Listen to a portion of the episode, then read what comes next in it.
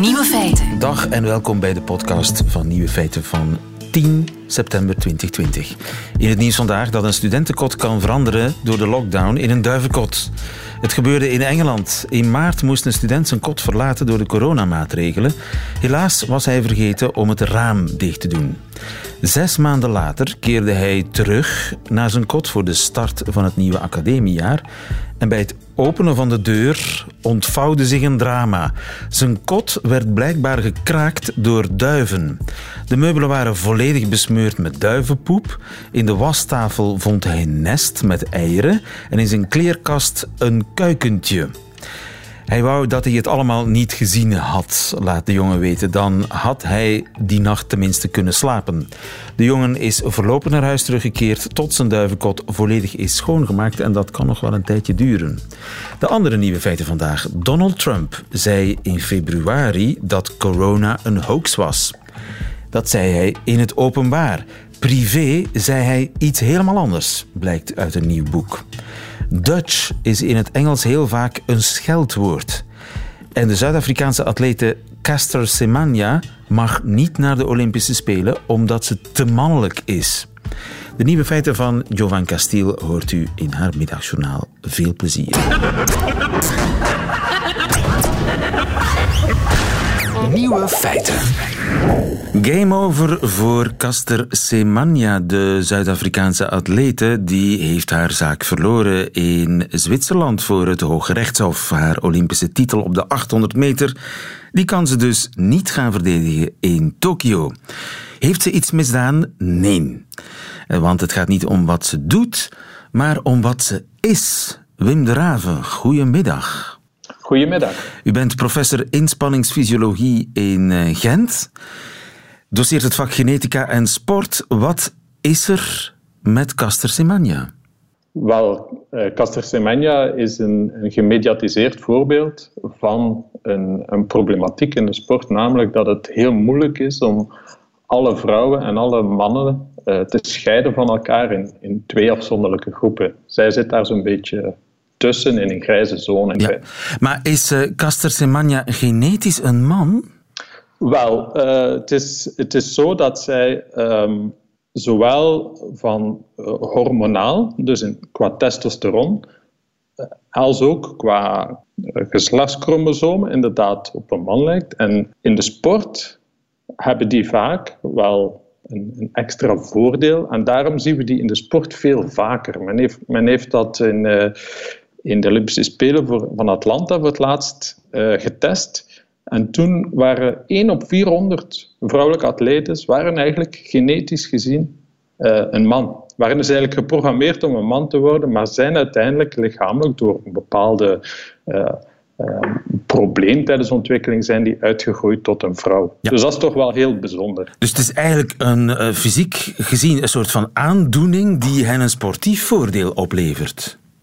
Exact, en dan kan je inderdaad zeggen, ja, moeten zij daarvoor gestraft worden? Want in de, in de sport is het gewoon zo dat wij, dat wij vaak uh, de, de hele extreme uitersten uh, bejubelen. Hè? Dus Michael Phelps heeft gewoon gigantisch lange ledematen. En als je op een basketbalplein staat dat, in de topsport, weet ik ook dat dat je niet zo... Dan zijn ook vaak heel, echt heel extremen uh, die, die het, ja, het beste doen in een, in een bepaalde sportprestatie. En ja. dat is eigenlijk hier ook een beetje het geval. Ja. En wat vooral wrang is natuurlijk, is dat niet jezelf bepaalt welk geslacht je hebt, maar een of andere commissie. En daar is uh, Semanya zelf ook niet zo gelukkig mee. Obviously, the day you I was questioned, you know, I was questioned if I'm a woman or, or I'm a man. Obviously, that's to me is a violation. You know, for me is a disgrace. Uh, it's an insult, which is um, um, one thing for me for sure. I can never be something I'm not. Ja, ze vindt het eigenlijk een beetje een belediging als mensen vragen stellen bij haar vrouw zijn. Begrijpt u dat? Ja, dat klopt. Uh, ik denk dat inderdaad een van de problemen van, van, van heel deze zaak ook is dat, dat alle details van het eh, medisch dossier eigenlijk op, op, de, op de keien lag. En, en ook dat er eigenlijk een, een, een schending is van haar, van haar privacy, maar ook van haar van haar identiteit. Hè. De, de rechtbank zegt ook dat ze medicijnen kan nemen om haar hormonale toestand eh, te normaliseren tussen aanhalingstekens. En dan mag ze wel meedoen.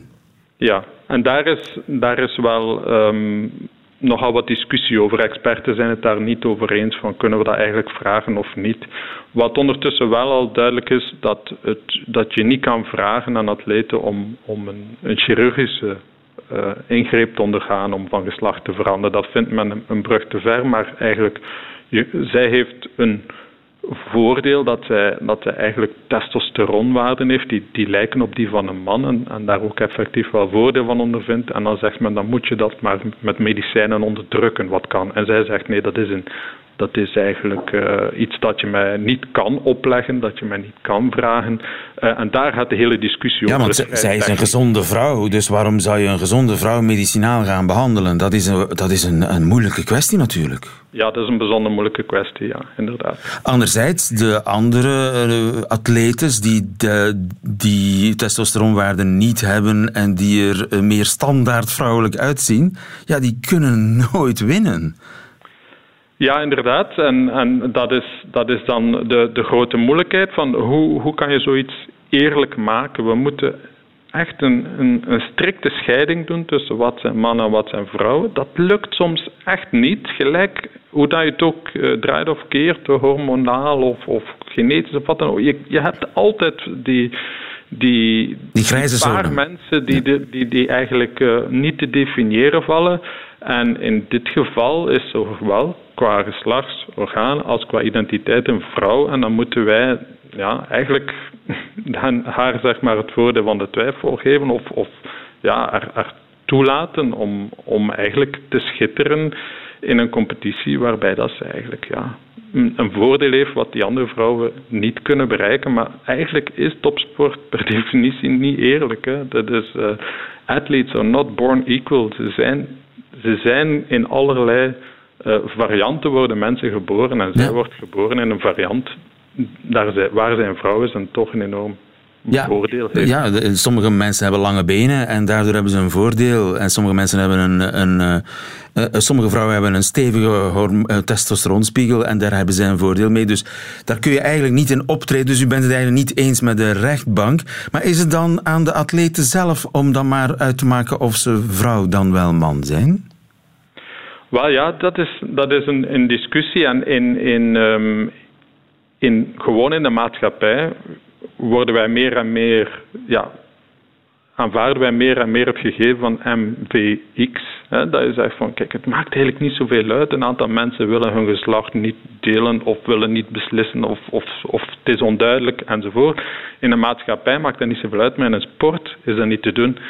Moet je effectief wel zeggen, je mag of je mag niet deelnemen uh, in de vrouwencompetitie. En dat maakt het zo lastig bij deze bij deze zaken, uh, vooral het gaat over echte persoonlijke levenssfeer, uh, ja. intimiteit enzovoort. En dat, dat maakt het heel moeilijk om, om zulke zaken dan eigenlijk op een, op een deftige manier op te lossen. Plus dat je nog experten hebt die verschillen van mening. Uh, dus, het zal altijd een discussie blijven. Er is geen heldere, onweerlegbare oplossing mogelijk in deze. Dat zegt u eigenlijk. Ja, eigenlijk, eigenlijk denk ik dat we, dat we altijd een, een grijze zone uh, gaan moeten discussiëren. En gelijk welk criterium dat je neemt om, om mensen als, als, als vrouw te definiëren, ga je altijd een, een aantal ja, discussiesituaties tegenkomen. En ja, dat, is, dat maakt het zeer moeilijk om, om, om de sport te organiseren. En we gaan daar alleen nog, nog meer mee te maken krijgen, zeker bij de transgender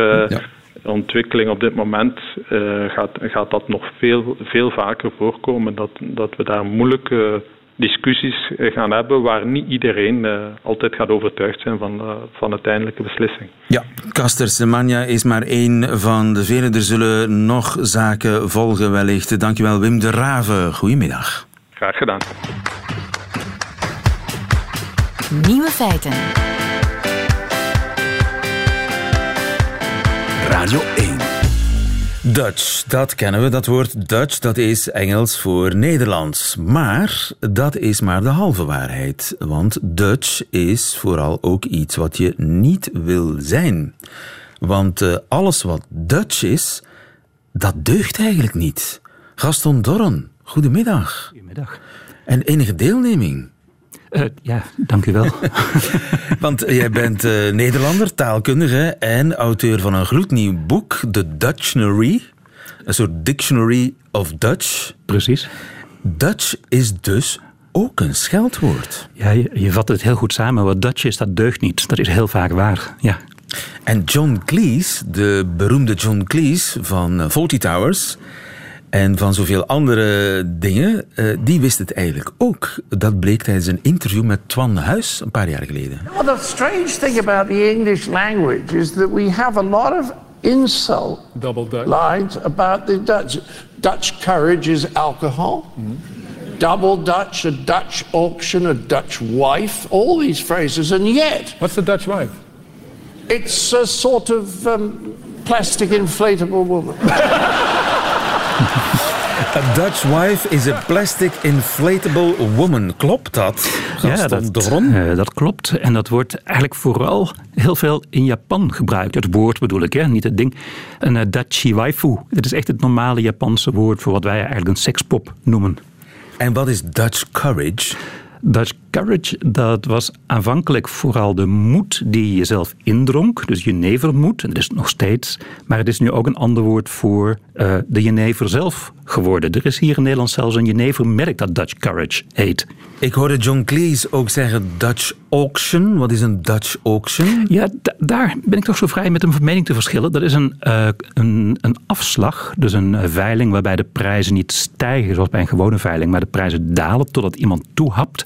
En er wordt soms gedacht dat dat een negatieve term is. Maar eigenlijk is dat een tamelijk neutrale term. Maar dat Dutch dat heeft zo'n negatieve lading dat mensen dan toch denken, daar zal ook wel iets mee zijn. Ja, ja, want het is Dutch, het is voordelig.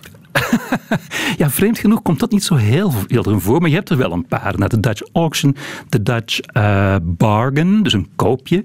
Dat is als je echt uh, als een, een, afspraak, een handelsafspraak, die voor één partij gunstig is en voor de andere partij niet. Nou ja, die ene partij, dat zijn dan volgens de Engelsen de Hollanders. Ja, dus Dutch courage is drank, of moed door drank. Dutch wife is een sekspop. Uh, Uh, double Dutch hoorde ik zeggen. Double Dutch, wat is dat ook alweer? Ja, double Dutch, dat is echt een hele gangbare term voor uh, wat wij meestal koeterwaals noemen. Of in ieder geval onbegrijpelijke taal. Gebrabbel. Gebrabbel, precies. En wat je natuurlijk, dat zei John Cleese niet, maar wat je heel vaak hoort is going Dutch. Hè? Ja.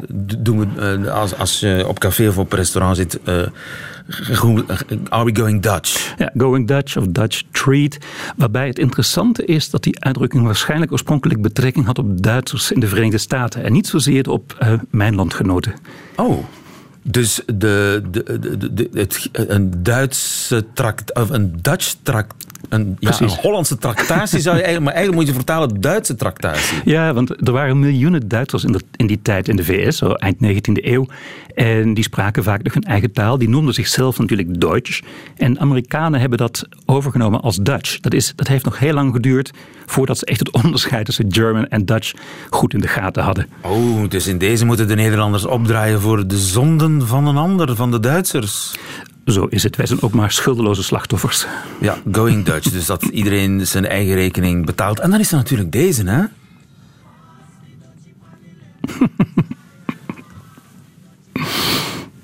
Paas die Dutchie. Wat is ja. de Dutchie in dit geval? De Dutchie, dat was.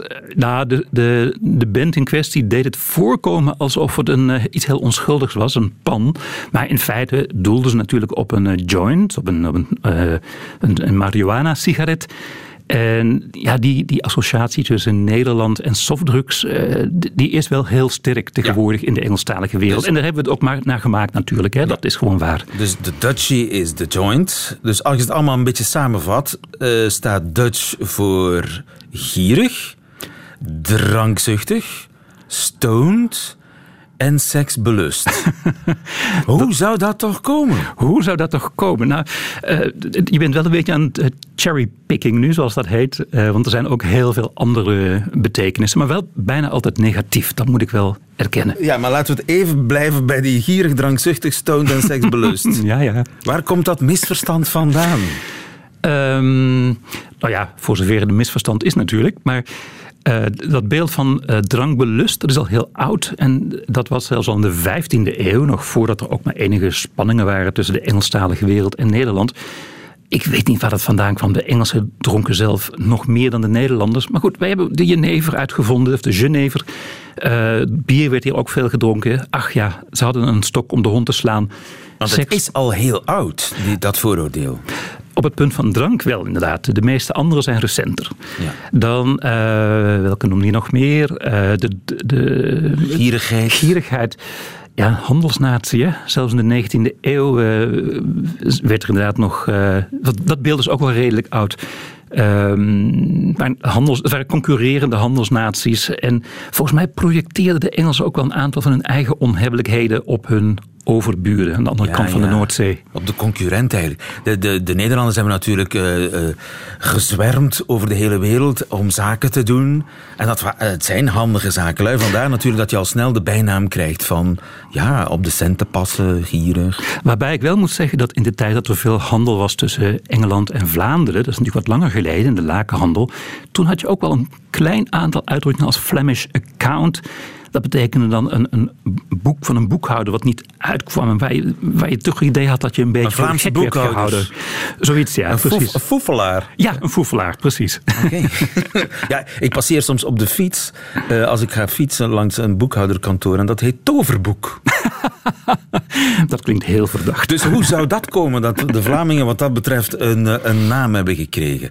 Een Dutch concert. Wat is het Dutch concert? Ah, dat is een hele leuke. Dat is een ehm, eh, muziekuitvoering, spontane muziekuitvoering, waarbij de, eh, de muzikanten of de zangers eh, niet echt heel goed op elkaar letten in een verschillende toonsoorten zingen, verschillende maatsoorten. En hoogstwaarschijnlijk komt dat doordat ze ook weer dronken zijn. Oké. Er is ook zoiets als de Dutch disease. Wat is de Dutch disease? Ja, er zijn er zelfs meerdere, maar de bekendste is. Ja, dat is een, een, een redelijk moderne uit de jaren 70. Kijk, Nederland heeft natuurlijk in de tweede helft van de 20e eeuw nogal geteerd op zijn aardgasbaten. Daar zijn we eigenlijk eh, ja, door stom toeval en geluk tamelijk eh, rijk mee geworden. Maar wat een land dan vaak doet, en ook Nederland, is de andere sectoren van de economie een beetje verwaarlozen. En dan, eh, We hebben toch gas. Dus hebben toch gas, laat, het, precies. laat het maar een beetje hangen. Ik denk inderdaad dat dat ongeveer is hoe het gewerkt heeft. Oh. Het is niet altijd zo. Noorwegen heeft geen Dutch disease opgelopen. Maar ja, Nederland is, is het toonbeeld Is er een geworden. beetje lui van geworden? Van het, de, de, de hoeveelheid grondstof, gas in dit geval, eh, in de grond. Eh, ja, waarschijnlijk is dat wel het beeld. Ik bedoel, ik, ik ben geen econoom die dat kan beamen, maar dat is wel het beeld. Maar er zijn nog Dutch diseases. Ja, ehm, even goed nadenken. Oh ja, tuurlijk. In de jaren 80, dat herinner ik mezelf nog, had je de, in Nederland, eh, misschien ook wel in België, dat weet ik eigenlijk niet meer, eh, heel veel verzet tegen de plaatsing van kruisraketten in, eh, op Nederlandse militaire basis. En dat werd door Amerikaanse voorstanders van die plaatsing Hollanditis genoemd. En die Hollanditis was een beetje een moeilijk woord, werd soms ook wel als De Dutch, disease, vertaald. pacifisme, misplaatst pacifisme, althans in de ogen van degene die dat woord gebruikt. Exact. Maar er is ook de Dutch butt disease. Wat is dat? Ja, die is vrij prominent op de, op de omslag van het boek eh, te zien. Eh, Dutch butt disease is een, eh, het is een soort zelfspot van eh, Noord-Amerikaanse en Canadese vrouwen, vooral van Nederlandse afkomst, die dan klagen dat ze nogal een pronte derrière hebben. En dat schrijven ze dan toe aan hun Nederlandse afkomst. Ja, het is altijd makkelijk om de schuld aan een ander te geven. Hè? Of aan je, ja, aan je voorouders. Ja. je ik heb een Dutch butt. Een Dutch uncle Ah, dat bestaat ook. Een- Jazeker. Een, een Hollandse oom. Hoe- zou je die omschrijven? Nou, die uitdrukking die is nog, die wordt nog veel gebruikt wel. Of, die, is nog wel vrij bekend in de Engelstalige wereld. Als je if you talk like a Dutch uncle, dan ben je heel erg, ja, wat jullie ook van ons kennen, hè, recht door zee en een beetje bot de waarheid aan het zeggen tegen iemand. Maar wel met de beste bedoelingen, moet ik ja, toevoegen. We hebben altijd de beste bedoelingen hoor. Dat wordt niet altijd gezien. Daar heb ik ook nog nooit een seconde aan getwijfeld. Dus de brutale eerlijkheid, zeg maar. Zeggen waar het op staat, recht voor de raap. Precies. Parlez vrai, zoals de, of, of parlez franc, eh, zoals de, de Fransen zeggen. Ah. Nog een laatste. Dutch oven. Het is een ah. Dutch oven. Ja, heb je nog een kwartiertje. Ehm, oorspronkelijk was dat een gietijzeren pan met een stevig sluitend deksel. Nou, die geschiedenis zal ik uh, je nu besparen, maar in de 20e eeuw um, is dat ook beeldspraak geworden voor iets tamelijk smerigs. Ik ga het toch vertellen. Dat is als je in bed een uh, scheet laat onder de lakens, terwijl je zorgt dat je bedgenoot met zijn hoofd of haar hoofd onder die lakens zit. En dan sluit je het goed af, net zoals een Dutch oven als pan goed afgesloten is.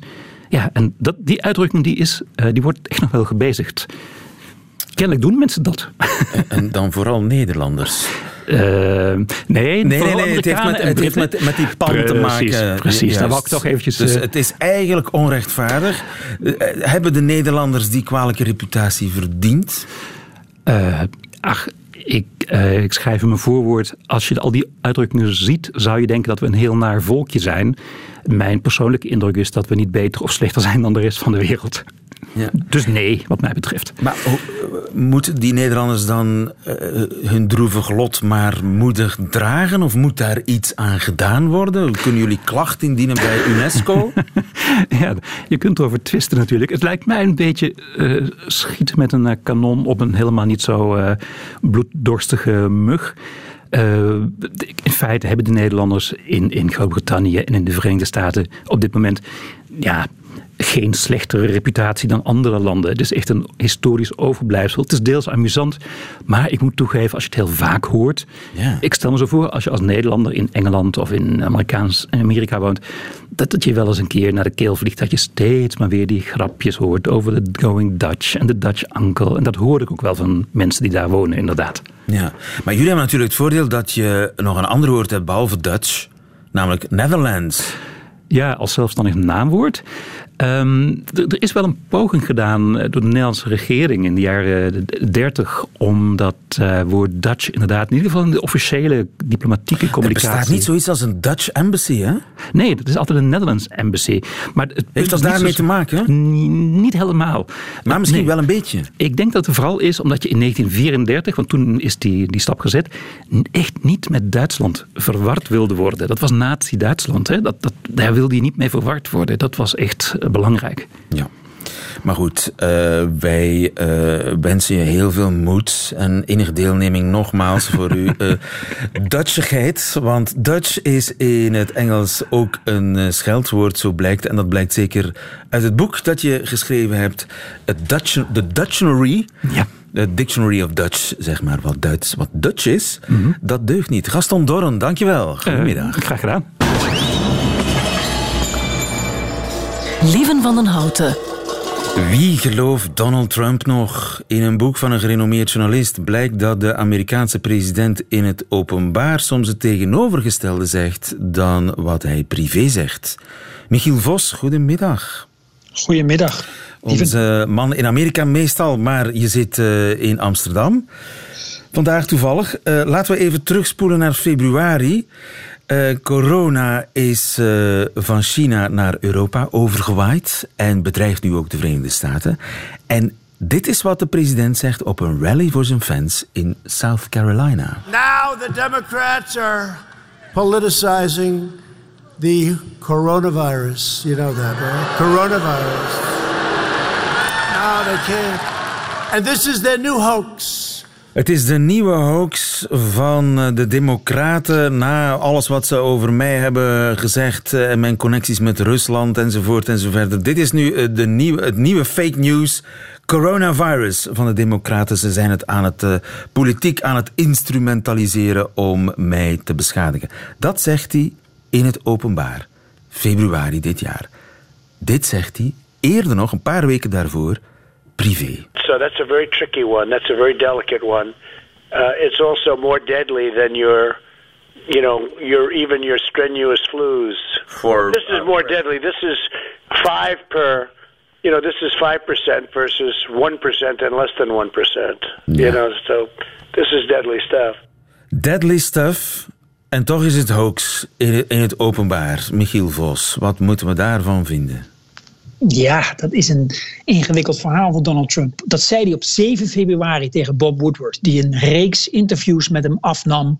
On the record, met medeweten van Donald Trump in het Witte Huis. Waarin ze dus spraken, onder andere inderdaad, over het coronavirus. Ja, Hij en- wist dus, de president, dat het deadly was. En dus die Bob Woodward is de man die dat boek heeft geschreven. Gerenommeerd Ja. journalist. Watergate-man, hè? Toch? Watergate-man en man eigenlijk chroniqueur ter presidenten. Hij- elke president, ik geloof sinds Watergate, zeg ik nu even uit mijn hoofd, is beschreven in een boek door Bob Woodward. Bob Woodward is een beetje de eminence grise van de Amerikaanse journalistiek. Als hij verschijnt op het Witte Huis, dan doe je open. Ook al ben je het misschien niet met hem eens, ook al denk je, ik heb de media niet hoog zitten zoals Trump, fake news. Toch, Woodward mag aan die tafel. 18 interviews deed hij tussen december vorig jaar en juli van dit jaar. En dat zit nu dus in een boek wat uitkomt. En dat boek heet Rage. En daar zit dus deze conversatie in. 7 februari.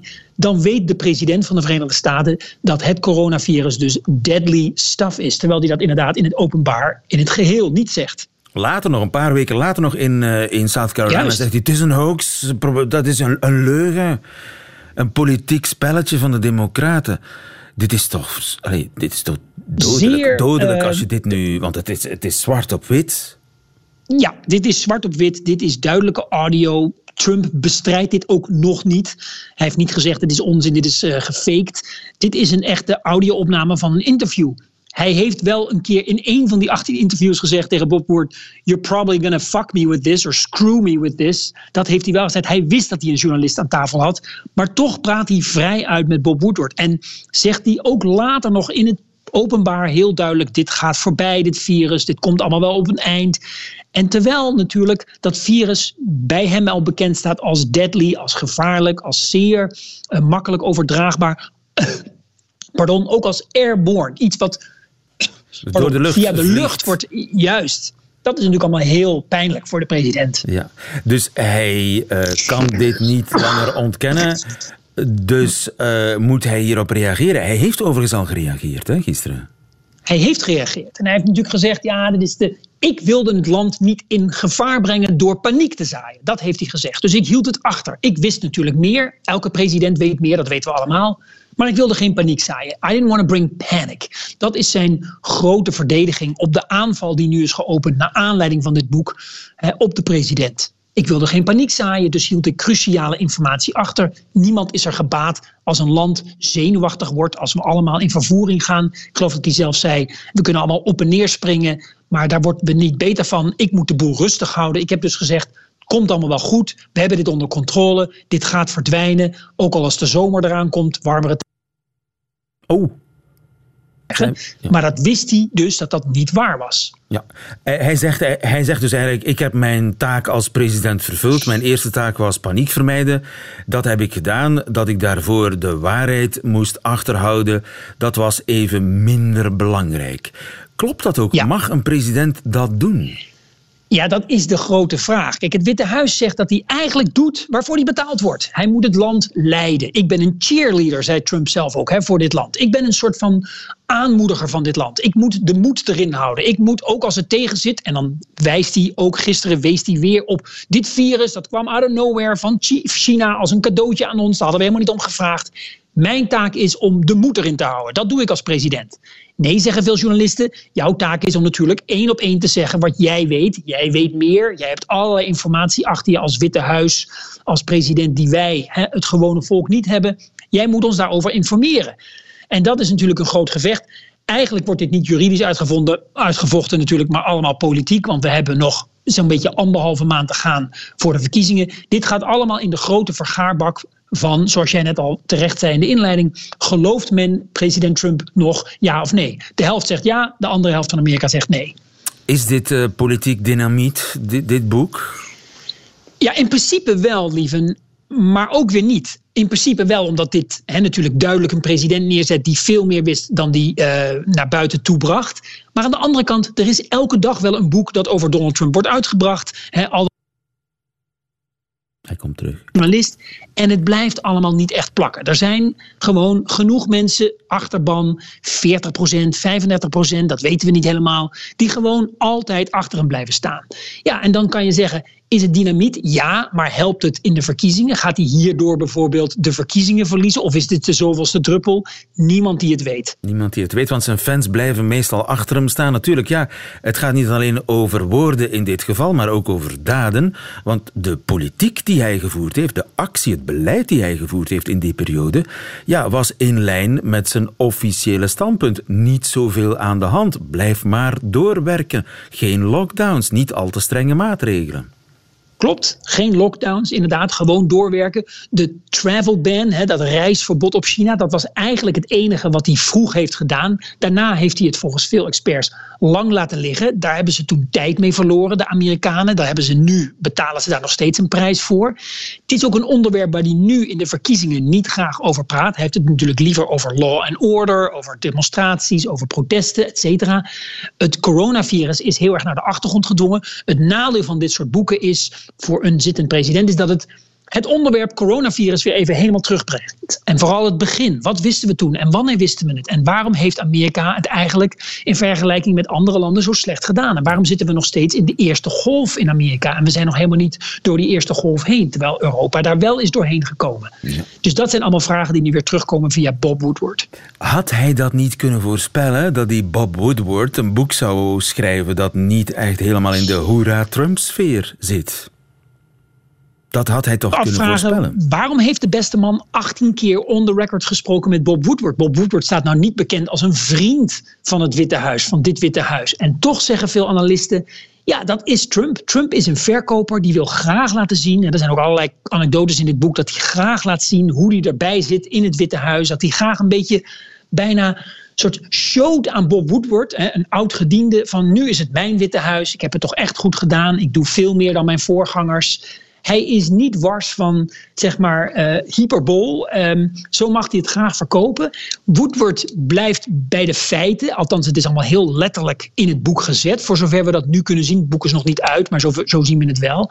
Ja, en je vraagt je af waarom hij dan inderdaad zijn eigen kuil graaft. Maar dat doet hij dus dat doet hij gewoon wel als president. En ik denk, dat zegt Woodward ook wel, wel tussen de regels door. Hij denkt dat hij daar niet geraakt door kan worden. Dat hij min of meer met alles kan wegkomen. Dat moeten we dus zien op 3 november. Het is een betonnen zelfvertrouwen die die man heeft. Juist. Een, een, spreekwoordelijk eh, zelfvertrouwen. En dat blijkt nu maar weer. Het zal moeten blijken of uh, dat hem iets ook oplevert. In ieder geval of die herverkiezing van hem daardoor niet in het uh, geding komt, in het gedrang komt. Michiel Vos, dankjewel voor dit verhaal over de geloofwaardigheid van de president en de politieke gevolgen van het boek van Bob Woodward. Dat heet Rage. Goedemiddag. Nieuwe feiten. Radio 1. Dat waren de nieuwe feiten van 10 september 2020. Alleen nog die van de Amerikaans-Vlaamse comedienne Jovan Castile heeft u te goed in haar middagjournaal. Nieuwe feiten. Middagjournaal. Goedemiddag. Eén ding waar de meeste Vlamingen heel gek over doen, is zeker de warme maaltijd. En wat ik bedoel is dat jullie er een obsessie over hebben. Want blijkbaar bestaat er een regel. Je moet één keer per dag warm eten of er gebeurt iets vreselijks. Ik heb hier al volwassen mensen zien over uitfrieken. Ik heb nog niet warm gegeten vandaag. Ik heb nog niet warm gegeten. Maar je mag nooit meer dan één keer per dag warm eten, of je gaat dood. De eerste keer dat ik dit merkte, was de allereerste keer dat ik ging eten bij mijn schoonmoeder. Ze zei toen: Wat hebben jullie gegeten vandaag? Want oudere mensen zijn zo. Het maakt niet uit wat je doet of waar je naartoe gaat. Je kan naar het museum gaan en als je terugkomt, zeggen ze: Ah, het museum. En wat hebben jullie daar gegeten? Dus ik zei tegen mijn schoonmoeder: Ik heb vanmorgen een tofu-omelet gemaakt. En zij begon uit te frieken. Tofu-omelet? Tofu-omelet? Was het warm? En ik zei: Ja, natuurlijk was het warm. Dan zei zij: Dus jullie hebben al warm gegeten, maar ik heb warm middageten gemaakt. En ik zei, dat is oké. En zij zei, nee, dat is niet oké. Jullie hebben al warm gegeten. Jullie mogen geen twee keer warm eten of jullie gaan dood. En ik wil niet naar de gevangenis. Niet opnieuw. En ik zei: Het is oké. Ik ben in Amerika geboren. Soms eten wij in Amerika drie of vier keer per dag warm. En zij zei: Ja, en kijk hoe jullie eruit zien. Nee, jullie hebben al warm gegeten. Jullie mogen geen twee keer warm eten. Wat moet ik nu doen met het eten? Ja, ja, ja. Ik, ik zal het op de vensterbank zetten totdat het koud wordt. Papa, papa, ze hebben al warm gegeten. Hoe is het mogelijk? En natuurlijk was mijn schoonvader kei emotioneel, want hij had die dag nog niet warm gegeten.